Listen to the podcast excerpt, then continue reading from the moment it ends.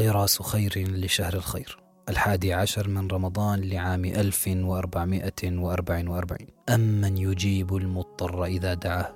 عندما تشتد الكروب وتتنوع الخطوب وتستحكم حلقات المحن عندما تجد نفسك وحيدا مع دموعك الصامتة وألمك الدفين وقلبك المكلوم وكلماتك الحبيسة لسانك ودعواتك الحائرة اعلم انه قد آن اوان الشفاء وحان وقت جني ثمار هذه الدعوات. إنه رمضان الخير.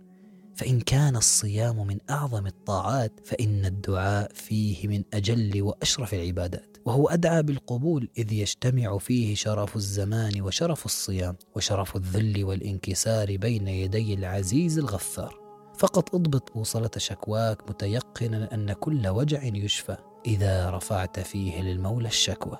وأنه طالما اجتمع فيك تمام الضعف مع تمام التوكل على الله كانت دعوتك أصوب ومن ربك أقرب.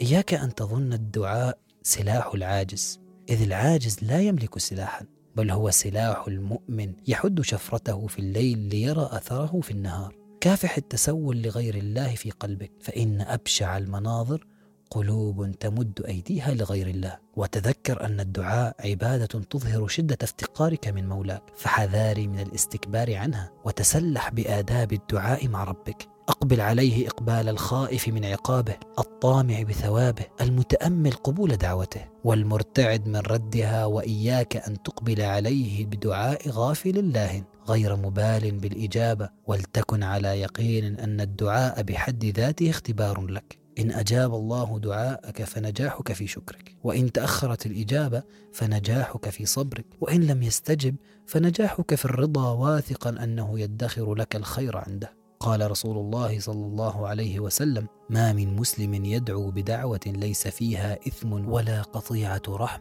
إلا أعطاه الله بها إحدى ثلاث إما أن تعجل له دعوته وإما أن يدخرها الله له في الآخرة وإما أن يصرف عنه من السوء مثلها قالوا إذا نكثر يا رسول الله قال الله أكثر. ارفع يديك إلى السماء ففوقها رب إذا ناديته ما ضيعك. اجمع همومك وهموم أمتك وبث شكواك إلى ربك بإلحاح ويقين وأبشر. اللهم ارزقنا حسن الوقوف بين يديك وألهمنا الدعاء بما يرضيك عنا ولا تجعل حوائجنا إلا إليك ولا تخزنا يوم العرض عليك.